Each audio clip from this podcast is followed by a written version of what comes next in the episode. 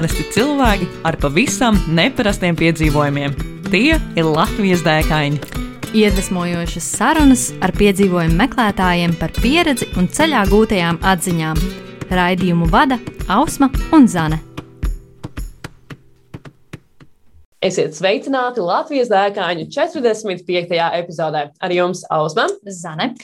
Un mūsu šīs dienas viesis ir Kārlis Janpetrovičs. Čau, Kārli! Sveiki! Uh, šī epizode mums uh, ir īpaša divu iemeslu pēc, uh, varbūt pat vairāk.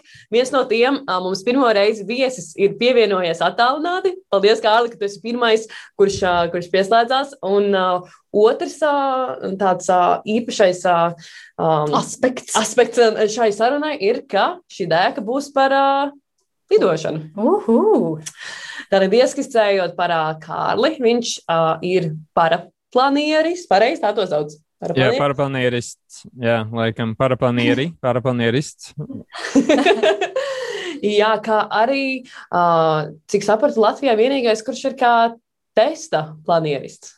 Jā, vienīgais testa pilots Latvijas vēsturē. Wow. Un arī pieckārtais Latvijas čempions. Jā, pēdējos piecus gadus pēc kārtas. Oh, tieši ar paraplānu. Jā, tie, tikai paraplānu. Es neko Principā tu varētu būt arī uh, Latvijas čempions pieckārtais. Nu, tā kā tāpatās arī mēs pieņemtu šo. to var pārbaudīt internetā. Ir, tas viss ir publiski.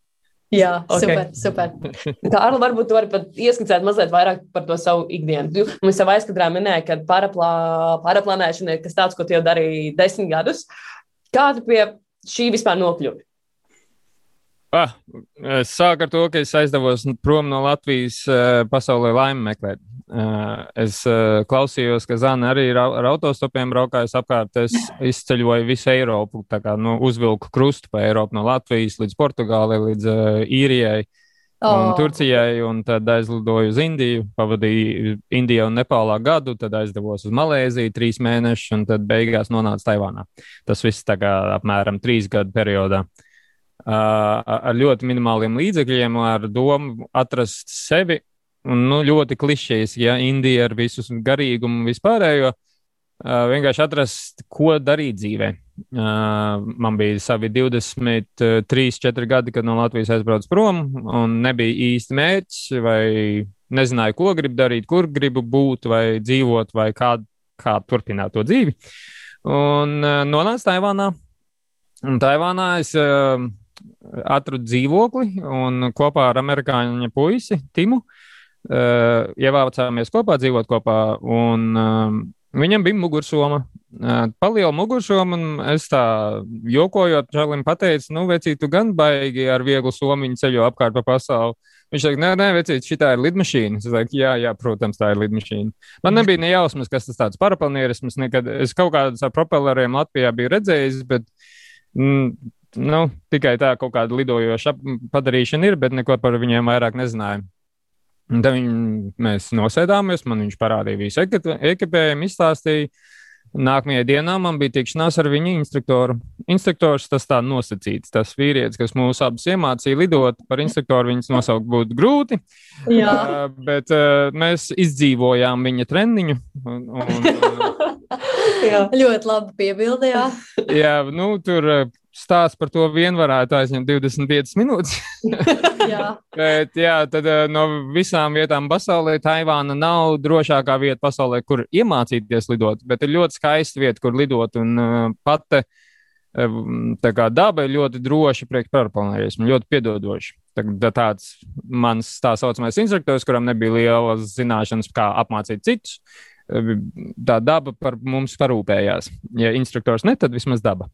Uh, tā, nu, tad tā arī sākām. Tad mēs divi ar Timu tos pirmos gadus viens otru mm, kā, draudzīgas sacensības bija, kur, kurš iemācīsies pirmo šito triku, kurš ātrāk šito, kurš nu, tādā garā. Un, nu, gadus tā mēs trīs, četrus kopā pavadījām pa, starp Taivānu un Nepālu. Es aizbraucu atpakaļ uz Nepālu. Sāku lidot kā, komerciāls lidojums, kas ir ar pasažieru tieši Nepālā, Pokarā, e, pretī, netālu no Anapurna, kas ir viens no 8000 metru e, kalniem. Tur pavadīju uh, trīs pilnas sezonas. Uh, no, divas pilnas sezonas, un trešajā sezonā bija zemestrīce 2015. gadā. Tur arī pilnīgi cits stāsts par to visu. uh, un uh, beigās pēc tās zemestrīces es nonācu atpakaļ Eiropā, un tad pamazām sāku darboties un dzīvot. Nu, jau esmu Francijā piecus gadus lidoju paraplānu šeit, un kopā nu jau ir pagājuši desmit gadi paraplānījumā, un es esmu mainījis kontinentus, valstis. Uh, draugus un uh, cilvēkus apkārt, man tiecoties tikai, lai būtu pēc iespējas labāks pilots un lai man būtu apkārt vēl labāk piloti par mani. Jo, ja tu esi labākais pilots uh, savā pulciņā apkārt, tad tu esi nepareizajā pulciņā. Oh, cik labs, labs, ļoti labs teiciens. Jā, es mm. pilnīgi varu piekrist. Tad tu visu laiku meklē tādas iespējas attīstīties. Ja? Jā, un uh, laikam esmu veiksmīgs cilvēks, jo līdz pat šodienai man vienmēr ir izdevies atrast kādu, kas ir labāks par mani. Un tas ir viens no iemesliem, kāpēc es dzīvoju Francijā. Jo Francijā ir 25,000 pilotu. Tā lai, kā piemēram, Latvijā aktīvi ir ap 100. Un mhm. tad uh, Latvijā pārplānu. Paraplānisti piloti ar lice, uh, licencēti aktīvi, tie, kas šādi tad palido. Uh, un, ja pareizi saprotu, tad Latvijā kopumā visā Latvijas vēsturē ir ap 500 pilotiem oh. licencēti. Uh -huh, uh -huh. Bet nu, liela daļa no viņiem vairs nelido.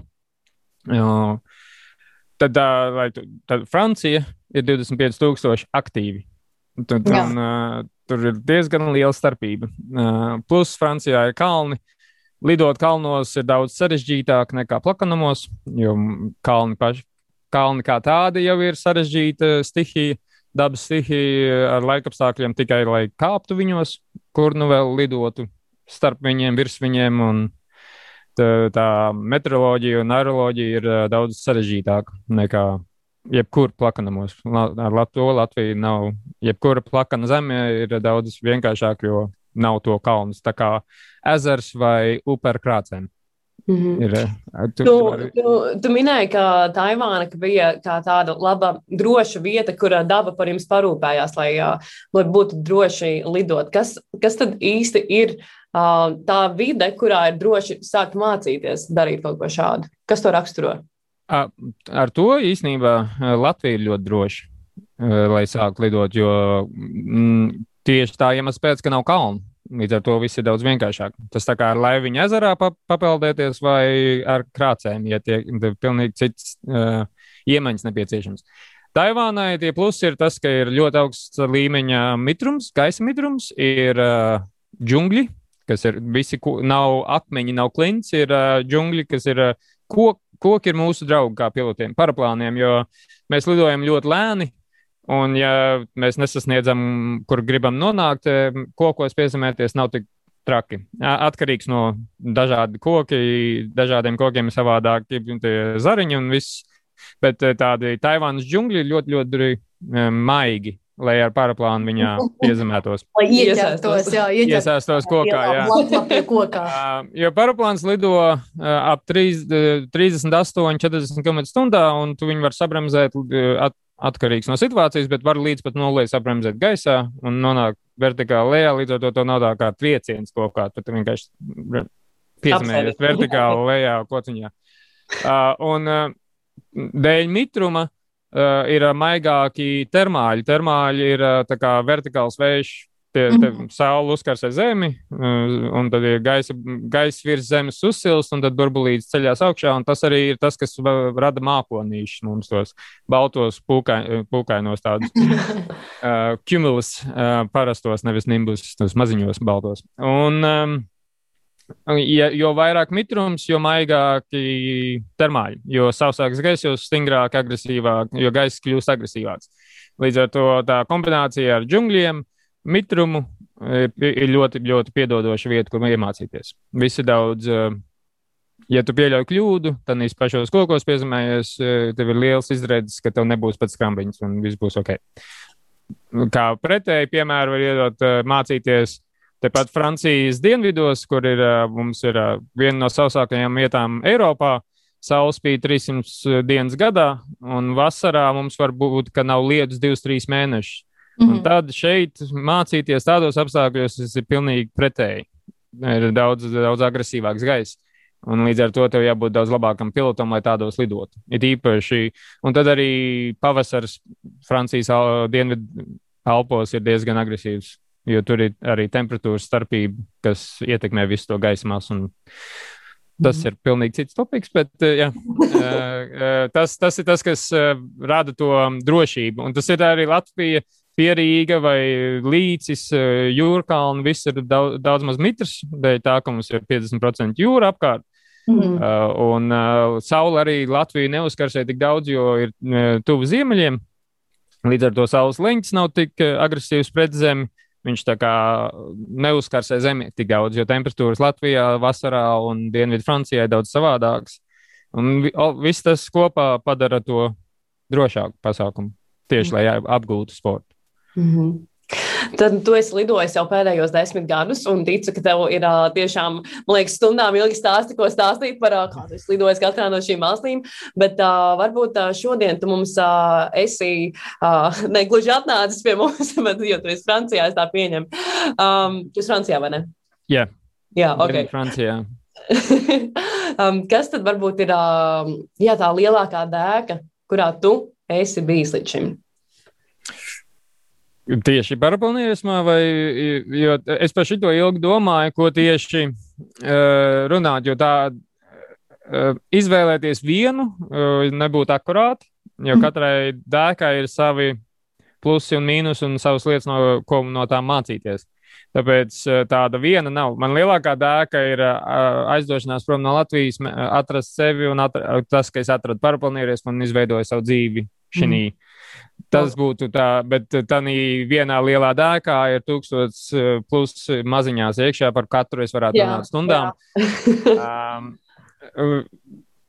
viens no lielākajiem, kur es iepazinu sevi visvairāk, paraplanērisms kā tāds, desmit gadi, 2000 plus stundas nolidotas gaisā pavadīts uh, desmit gadu laikā, ir tas um, paraplanērisms ir, um, tu spēlējies ar dabu. Un dabai par tevi tā teikt vienalga. Daba dara, ko daba dara, vai tu tur esi vai nē, es viņai vienalga. Tas nav. Un tu viņu nevar ietekmēt. Un, ja tu sevi nekontrolēsi, tad daba sooner or later, drīzāk vai vēlāk, tevi nosodīs par kaut ko, vai pieļaus kļūdu, ielidos, kur nevajag, vai stiprākos vējos un tādā garā.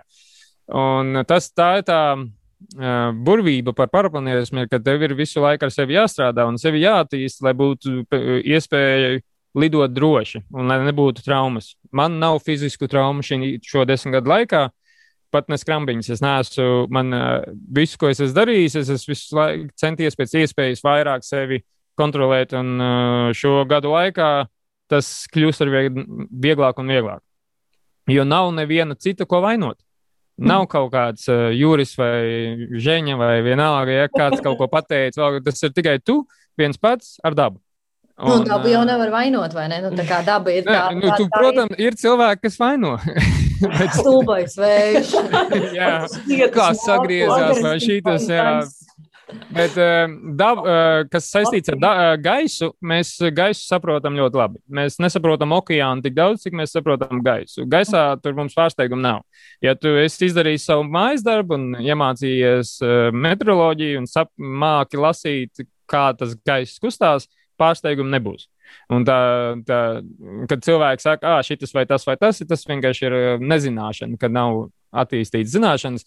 Un um, mums arī paraplanērismē daudz veidu, kā var pamazām nokļūt līdz sarežģītākajām vietām. Sāc, tā, piemēram, Latvijā, kur ir viss mierīgāks gaiss, un tad pamazām sāc iet uz kalniem, sāc ar Alpiem, tad var domāt par Himalajiem. Es gan sāku ar Himalajiem, un tad uz Alpiem. bet, uh, um, ir, ir tā kā pa solītim var iet droši progresēt.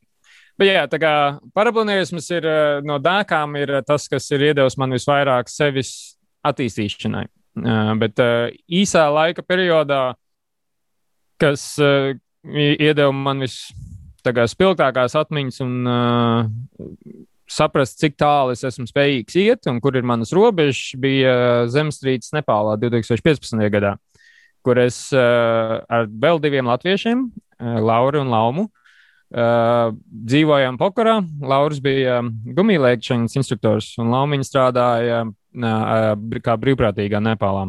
Mm -hmm. Un mēs visi trīs bijām Pokarā, kad uh, lielā zemestrīce notika uh, 15. gadā. Un tad uh, nākamā mēnesī mēs pavadījām uh, brīvprātīgajā darbā, at, palīdzot atkopties nepāliešiem. Uh, mēs nonācām, uh, sākām kā brīvprātīgie divas nedēļas ar vietējo NGO, nevalstisko organizāciju. Jā. Ar kuru es ko, ar tās organizācijas dibinātāju strādāju kopā kā paraplānu pilots, lidoju tandēms. Un tad norganizējāmies paši un sākām palīdzēt, aizdevāmies uz epicentru. Mēs zinām, ka Gorka reģions bija epicentrs, aizdevāmies tur un tur pavadījām divas nedēļas, pievadot rīsus un materiālus priekš shelteriem, tā kā pajumēm. Jā. Uh, un uh, vēlāk es pievienojos apvienotajām nācijām un strādājām vēl divas nedēļas ar viņiem jau uh, 2000 metru augstumā un 4000 metru augstumā pie Manusulu reģiona. Bet un... tu to piegādi, man vienkārši uzreiz liekas, nu, tas, to, to jau tu darīji ar paraplānu vai to, to nedarīji? Nē, nē, nē, tas ir nesaistīts. Mhm. Paraplānierisms mani noveda po, Nepālā. Jā, jā. Zemestrīces notika, un tas bija mans ceturtais gads Nepālā, trešā sezona kā pilotam, bet ceturtais jā. gads kā personai. Un, kultūru zināju. Mēs tā grupa, kas norganizējāmies, mēs visi bijām Nepālā jau labu laiku un mēs zinājām, kā ar vietējiem sadarboties. Jo Nepāla nav vienkāršākā zeme, kur kā, no, kā rietumniekam, ja tu tur pirmo reizi ierodies, ir diezgan savādāk nekā Eiropā. Un, um, paši norganizējāmies, bet tās divas nedēļas, ko paši darbojāmies, uh, apvienotajām nācijām patika, ko mēs izdarījām. Tad viņi noalgoja daļu no tiem, kas mēs bijām, un turpinājām darbu. Un kopā tas bija veseli mēnesi. Ar, un tad mēnesī bija 100 plus zemestrīces. Oh, wow. Katru dienu pa divām, trim, četrām, un tad tu neguli pa nakti, jo katra zemestrīce tu, tev ir somiņa gatava ar pasi un vispārējo nepieciešamo. Un tā arī paņem somiņu un ārā no mājas, gaida, kamēr apstāsies, māja kritīs, nekritīs, ej apakaļ gulēt, un tā veselu mēnesi no vietas.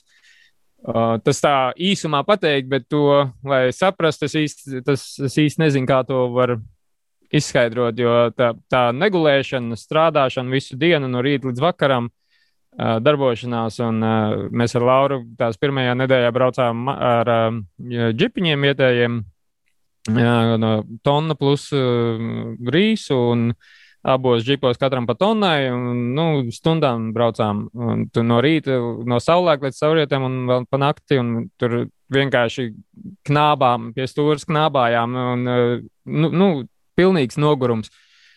Un, un tu brauc mašīnu, skaties, o, oh, kalniņam smilts krīt lejā, landslides. Mm, interesanti. Un mašīnā, jo tu, tu nejūti zemestrīces mašīnā, tu kraties pa tiem nepāliešu ceļiem. Jā, jā. Oh, landslides, landslides, fuck! Un apkārt, kur sāc skatīties, vai tev tūmā nav kāds klins, kas tev virs virsū. Un, Bet tajā brīdī tu nav tā, ka bail par savu dzīvību, un tā, tu par to nedomā. Tev ir uzdevums 1, 2, 3, tu ej pēc šitā, šitā, šitā, un tagad, nu, jau vēlāk, pēc tam, kad tas viss ir beidzies, tu sāc domāt, ah, Ja nu es būtu šeit, ja nu es būtu bijis tur, un, tad, un ar to visu nogurumu, negulēšanu un nonstopā darbošanos mēnesis, eh, vēl priekš manis bija mēnesis, jo man uh, draudzene, tā, tā, kas man bija tajā brīdī, nācās viņu no kalniem izglābt ar helikopteru. Mēs bijām 4000 metru augstumā un, un prasīja 3 stundas, kamēr helikopters atlidoja ar visām apvienotajām nācijām, un, jo helikopteri visi bija aizņemti. Un uh, tas viss process, un um, es nezināju, vai viņi vispār izdzīvos līdz tam helikopterim. Tur arī garš stāsts par to visu, kā tas tika norganizēts, un uh, pēc tam pavadīja mēnesi ar viņu slimnīcā Nepālā. Uh, rūpējoties par to, ka tie ārsti vispār dara, ko viņi um, pareizi dara. Bija, be, mums bija ārsti no Kanādas, Dānijas un Amerikas, kas uh, skatījās katru papīru, katru analīzi, pārbaudīja, vai tie nepālieši visu dara pareizi, nepareizi. Un, uh, Bet vai šis uh, negadījums bija saistīts ar uh, zemestrīci, vai tas bija kaut kāds? Uh, um, ja, galu galā uh, nav diagnozes. Mm Mhm, mhm. Es, un es tīri privātuma dēļ, es nevēlos publiski par to runāt, kas, jā. kas un Mhm. kā, bet beigās ne, nebija diagnozes uh, saistīts ar zemestrīci. Tieši ne, nebija tā, ka kaut kas uzkrīt virsū, Mhm. uh, bet uh, saistīts ar to, ko mēs darījām. Mhm, mhm. Uh, un kur bija un, uh, 4000 plus, 4000 plus metru augstums, ir jau cits problēmas sākās. Uh, kā, tas jau ir alpīnis teritorija. Un uh, tur sā, ir uh, lietas, kas elpošana un asinsvadu kas saistīts ar to. Mhm, mhm. Jā. Nu, izklausās, man liekas, emocionāli ļoti grūts tāds periods ir bijis tev tajā Nepālā. Jā, tā, nu, īs, īs periods, divi mēneši kopā, bet uh, uh, jā, es uh, Latvijā novadīju runu trīs gadus pēc zemestrīces. Un uh, vēl joprojām bija emocionāls, kad runāju par to. Man liekas, ka trīs gadi pagājuši, viss kārtībā būs, no varēšu. Uh, jā, jo tā, tā bija divu stundu gara runa, un tad uh, es vairāk detaļās, tad uh, tagad īsi pastāstot ir viegli. un ir pieci gadi pagājuši, nevis trīs. Bet, uh, jā, nu, nebija uh, viegli, nebija noteikti. Bet man prieks, ka es uh, saturēju sev kopā un uh, izgāju cauri tam. Uh, un, uh, uh, tas, kā viens notikums bija daudz spēcīgāks nekā tie desmit gadu paravonierismā. Mhm. Uh, viņi nav salīdzināmi gluži, jo katra lieta ir pilnīgi savādāka. Bet uh, arī tas, ta, es biju 5, ne, ne 5, 3 gadus paraplanījis, 4 gads paraplanījismā laikam. Un tie gadi paraplanījumā jau man iemācīja, kā sevi kontrolēt. Un ska- pa, tas, ko es minēju iepriekš, par to, ka, ja tu vēlies progresēt, tu dabu nedrīkst vainot. Mhm. Un tas palīdzēja arī iet cauri visiem zemestrīces notikumiem. Un plus paraplanērisms iedod daudz uh, labus iemaņas tieši, lai šādās situācijās uh, operatīvi reaģētu, jo mums ir jāzina topogrāfija, jāzina kartes, mēs zinām, kā tas debes puses, mēs zinām laikapstākļus, mēs zinām, kā rācijas lietot, kā GPS lietot. Mēs pat zinām, kā, kur helikopterim labāk piezemēties un kādā, kāds vējš un vēja stiprums priekš viņiem ir. Mēs to varam pateikt helikopteru pilotiem pirms viņi ierodās. Plaša spektra speciālists. Jā, nu tas mēs par to nezinājām paši, Jā. ja, kad sākām, bet mēs tam ah, jā, helikopteram vajag piezemēšanos, koki nedrīkst būt vējiem, bla, bla. Mēs, pa labi un mazliet trīs soļus pa kreisi. jā, apmēram, jā, mēs salikām pat vēja zeķītes apkārt, lai pilots redz oh, vēju. Tas, tas. Jo mēs, grupiņa piloti, kas, jā, paraplanērismi, nav tas pats, kas uh, helikopters, pilnīgi cits līmenis uh, lidošanā, bet uh, tie principi tādi paši. Mhm. Uh, tas propellers, kas tur gaisā helikopteru, viņam ir tāda pati aerodinamika kā paraplānam.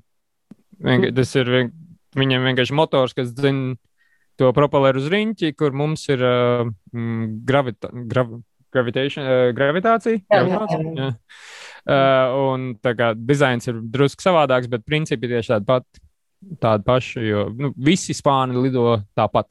Pat Mhm. kitesurfinga spārns velk tevi tā, ar tādiem pašiem aerodinamiskiem principiem kā jebkura cita aviācija. Mums, mums ar Zani par dēkām patīk ieskicēt tā klausītājiem arī mazliet par finansēm. Un zinot, ka paraplāns, manuprāt, nu, vispār lidošana ir tāds diezgan, es pieņemu, ka nu, tev tomēr ir nepieciešams finanses. Kā ir ar paraplānu, lai vispār kaut ko sāktu darīt? Ar ko būtu jārēķinās? Ja kāds ir izdomājis, ok, šis ir kas tāds, ko es gribētu pamēģināt. Jā, nu tad. Uh, mm. Ar šo atbildēt man ir pagrūti, jo es uh, savā dzīvē neesmu nekad uh, pircis tā kā tirgus cenu. Uh, līdz- un katrai valstī ir savas cenas. Tas treniņš, bez ekipējuma, treniņš pats, mm, ja nemaldos, Latvijā ir ap kaut kādiem 500-600 eiro, mm, varbūt vairāk.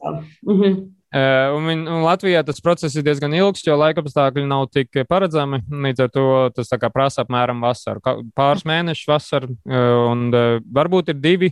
Bet tā šeit, kad viņiem ir pirmais treniņš un otrais treniņš, tā kā, tā kā divos salikti. Un tad katrs pa 500 eiro aptuveni. Varbūt es kļūdos, es precīzi nepateikšu. Tas ir treniņš. Francijā vai citur tās cenas ir līdzīgas pa Eiropu arī. Tas, tev parasti vajag divus uh, Tevi tā kā initial, tas pirmais, uh, pirmie nedēļa, un tad uh, otrā nedēļa. Tas ir Eiropā, jo laikapstākļi ir labāki par Latviju. Latvijā tas prasa ilgāk tieši laikapstākļu dēļ. Uh, ekipējums, uh, Jā, es teiktu, ap 5000 eiro. Mm -hmm. uh, tā kā viss komplekts, uh, ja visu pērk jaunu.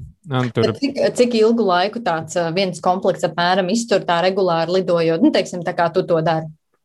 À, es mainu gan arī katru gadu uh, spānu. Mm. Ne, iekars, iekar, rezervas izplatnes tev dara desmit gadus. Tā ir viņu mm, dzīves ilgums izpla, rezervas izplatnēm. Uh, iekars arī ir desmit gadi, da, tur daudz un dažādas iekars, bet iekar var iet tev desmit gadus. Uh, spānu jāmaina ir uh, ap uh, starp 500 līdz 700 stundām. Mm -hmm. Tur atkarīgs, kur un kā lido, var arī izvilkt ilgāk, kas ir. Uh, Lielākajai daļai pilotu tas ir. Viņi desmit gados tik daudz nenolidos. Un tad spānam pašam savu arī dzīves ilgums ir desmit gadi. Tas ir tīri materiāla il, uh, garantija. Uh, ja tu lido šādi, tad pa 20 stundām gadā, tad tev tas spārns kalpos 10 gadus. Nav vajadzības mainīt. Uh, bet var sākt ar uh, lietotu ekipējumu. Un tad tās cenas ir pilnīgi citas. Tad, uh, es, kad es sāku, mans pirmais ekipējums bija kaut kādi 500-600 eiro. Viss kopā. Mm. ar eh, lietots, eh, viss bija lietots. Nu, tur arī man rezerves izplatnes bija 20 gadi, nevis zem 10. Tas arī man izsakās. Protams, ļoti uzticies sev. Nē, nē, man nebija ne jausmas. Es biju pilnīgs iesācējs. Man nebija ne jausmas, kas ir kas. Un man tas čels teica, ah, šī ir labi rezerve. Rektevi iekar arī bija kaut kādi 15 gadīgi. Un spāns bija arī ap 10 gadiem, 8, 10 gadu vecs spāns. Bet uh, strādāju, lidoju, dzīves esmu vēl, bet es to nevaru ieteikt. Kā profesionāls pilots šodien es noteikti to neieteiktu cilvēkiem tā riskēt, uh, bet es ne, nezināju, vienkārši nezināju labāk. Un uh, uzticējos tā saucamajam instruktoram, kas ir uh, tipiska kļūda, un ar to ir uh, problemātiski arī šodien. Ne visi instruktori ir vienādi līmeņi. Mm -hmm. Visā pasaulē tā ir starptautiska problēma. Līdz ar to, jo vairāk fórumiņus, YouTube, Facebook grupas lasi, jo labāk neusticies tikai savam instruktoram, prasiet kādiem citiem arī, kā ir. Jā. Un ne tikai īpaši Latvijā, ārpus Latvijas. Jo paraplanierisms Latvijā ir, ir aktīvi, ir daudz, bet uh, starptautiskā līmenī tomēr ir vairāk zināšanas. Un uh, 80% pasaules piloti ir alpos. Mm -hmm. Un, nu, izklausās arī, tu ļoti daudz runā par to emocionālo noturību. Arī man visu laiku ir sajūta, ka tu tāds ļoti stabils esi tā uz abām kājām un tiešām ar galvu tajā visā iekšā. Tas ir diezgan svarīgi, vai ne? Ka tu esi tāds emocionāli stabils, ja tajos lidojumos. Jā, nu, bailes, tu, esi, tu esi gaisā viens pats, bez ne autopilota, bez nekādiem eh, palīdzības materiāliem. Tas viss ir atkarīgs tikai un vienīgi no tevis. Mm -hmm. Arī instruktors, kad viņš tev māca, tev pirmie lidojumi, tikai rācija ir. Mums nav kontrols pār, un mums nav, lai aviācijā ar helikopteriem, lidmašīnām, tev ir pilots blakus tev. Ja tu tur kaut ko sajauc, tev pilots var visu salabot un piezemēties droši. Šeit tev tā nav. Mm. Te tu esi viens pats un viss ir uz tevi. Līdz ar to, jā, tev ir jābūt diezgan gatavam tam, emocionāli jā, stabilam, cik iespējams. Um, mm. un, nu, kā nu, es šobrīd pats arī mācu, bet es nemācu iesācējus. Es progr progresam mācu cilvēku, kad viņi ir izdomājuši, ka grib būt piloti un grib būt labāk, tad viņi nāk pie manis un mācās. Ļoti daudz kas ir atkarīgs no instruktora. Kā tevi apmāca, kā ar tevi runā, un tad tev, tev var iedot to pārliecību, ka tu esi spējīgs vai spējīgi tiešām visu šo izdarīt, jo tā vadība ir ļoti elementāra. Tie principi, tur, nu, tā kā ar riteņiem māk braukt, ar parplanierismu var lidot. Nu, tur reāli, es, ka, kad oh. lidoju, es, kad lidoju komerciālos tandēmus, es iedodu kontroli pasažierim, kas nekad neko nav zinājis par šito, es viņam izstāstu 15 sekundēs, kas un kā, un viņi var kontrolēt lidaparātu. Wow. Pro, protams, nianses ir daudz sarežģītāk, bet pamat, pamat principi ir ļoti elementāri. Tas tā kā mm. ar riteni braukt bez balances. Jo mm. nevajag balanci. Tev gaisā tas automātiski nobalansē. Mm -hmm. Bet tā kā, jā, emocionāli stabilam vajadzētu. Tas, tas arī kā vispār jau dzīvē ir diezgan noderīgi. Jā, nu vismaz, kas priekšā pēc tam Nepāles stāsta arī, man liekas, tas tur vienā brīdī jau būtu sākus raudāt un uh, sabrukus kaut kur turpat kopā ar tām ēkām. Un, uh, jutusies gan slikti, bet, uh, Klau, mēs varētu visu dienu par šo runāt, un šis ir, uh, man tiešām šķiet, ka uh, tavi tie pavadītie gadi uh, gan Nepālā, gan, uh, gan Taizemē, tu minēji, un uh, Viss, kā tu sāki, Taivānā, Taivānā, jā. jā. Piedod, Taivānā. uh, un viss, kā tu šo sāki, un, un man liekas, ka, nu jā, nereāli. Nereāli iespaidīgi. Uh, un mēs par to varētu visu laiku runāt, bet uh, laiks ir nepielūdzams. Un tad mums uh, droši vien ir uh, jālūdz tev atbildēt uz mūsu otru jautājumu. Kas ir mazliet īsāks? Jā, kas ir tā dēka, uh, ko tu ieteiktu īstenot uh, citiem šeit Latvijā? Vai tas arī ir saistīts ar paraplanierismu vai varbūt kaut kas cits? Es esmu ļoti subjektīvs. Man nekas uh, cits dzīvē neinteresē kā paraplanērisms. Es, es esmu bijis pilnīgs manieks ar zirgs ar klapītēm un acīm ar vienu fokusu. Uh, bet mums ir Latvijā diezgan laba līmeņa tandēm piloti, kas mm -hmm. ir vienkāršākais veids, kā izbaudīt paraplanērismu, ir aiziet izlidot tandēmā, kā ar profesionālu pilotu palidot. Uh, To dara vairākās vietās Latvijā. Uh, Un, ja iepatīkās, tad man jāsaka, ka būdam pasaž lidot kā pasažierim, nav tas pats kā būt pilotam. Mm. Pat ja liekas garlaicīgi, kā pasažieram, varbūt ir vērts tik un tā pamēģināt uh, iziet to kursu un paskatīties, kā ir, kad lido pats vai pati. Uh, un, ja, ja ne parabolnierisms, tad aviācija kā tāda. Jo tie, prin, tas, ko aviācija dod tev kā cilvēkam, ir tie principi ļoti līdzīgi, ko es stāstīju par paraplanierismu. Tas ir visā aviācijā, jo tev ir stingri noteikumi un jākontrolē. Tas palīdz kontrolēt tavu ego. Un uh, paraplanierismā tie noteikumi nav tik stingri kā legāli, bet dabas noteikumi ir ļoti stingri.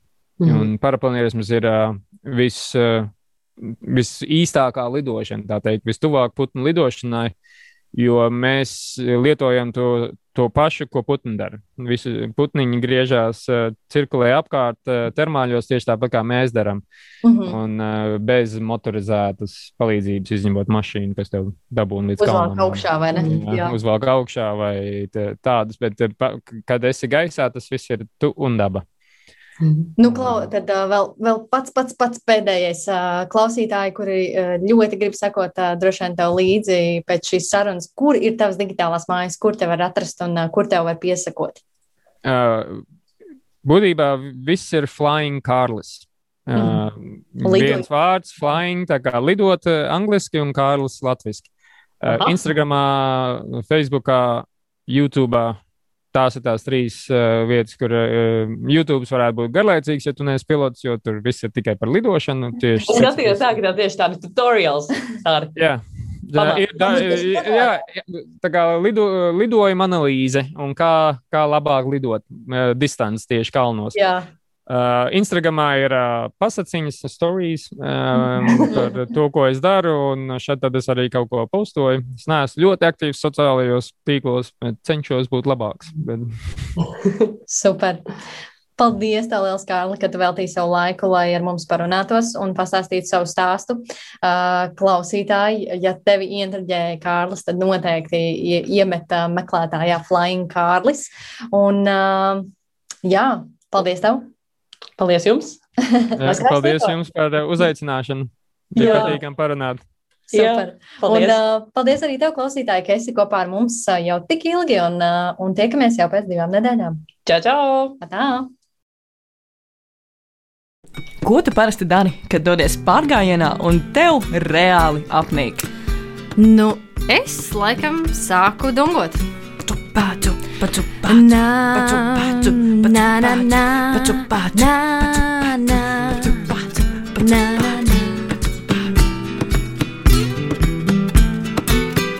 Iedvesmojošas sarunas ar piedzīvojumu meklētājiem, viņu pieredzi un ceļā gūtajām atziņām. Katru otro trešdienu, 2011. Radio Nabaviļņos. Raidījumu vada Ausma un Zana.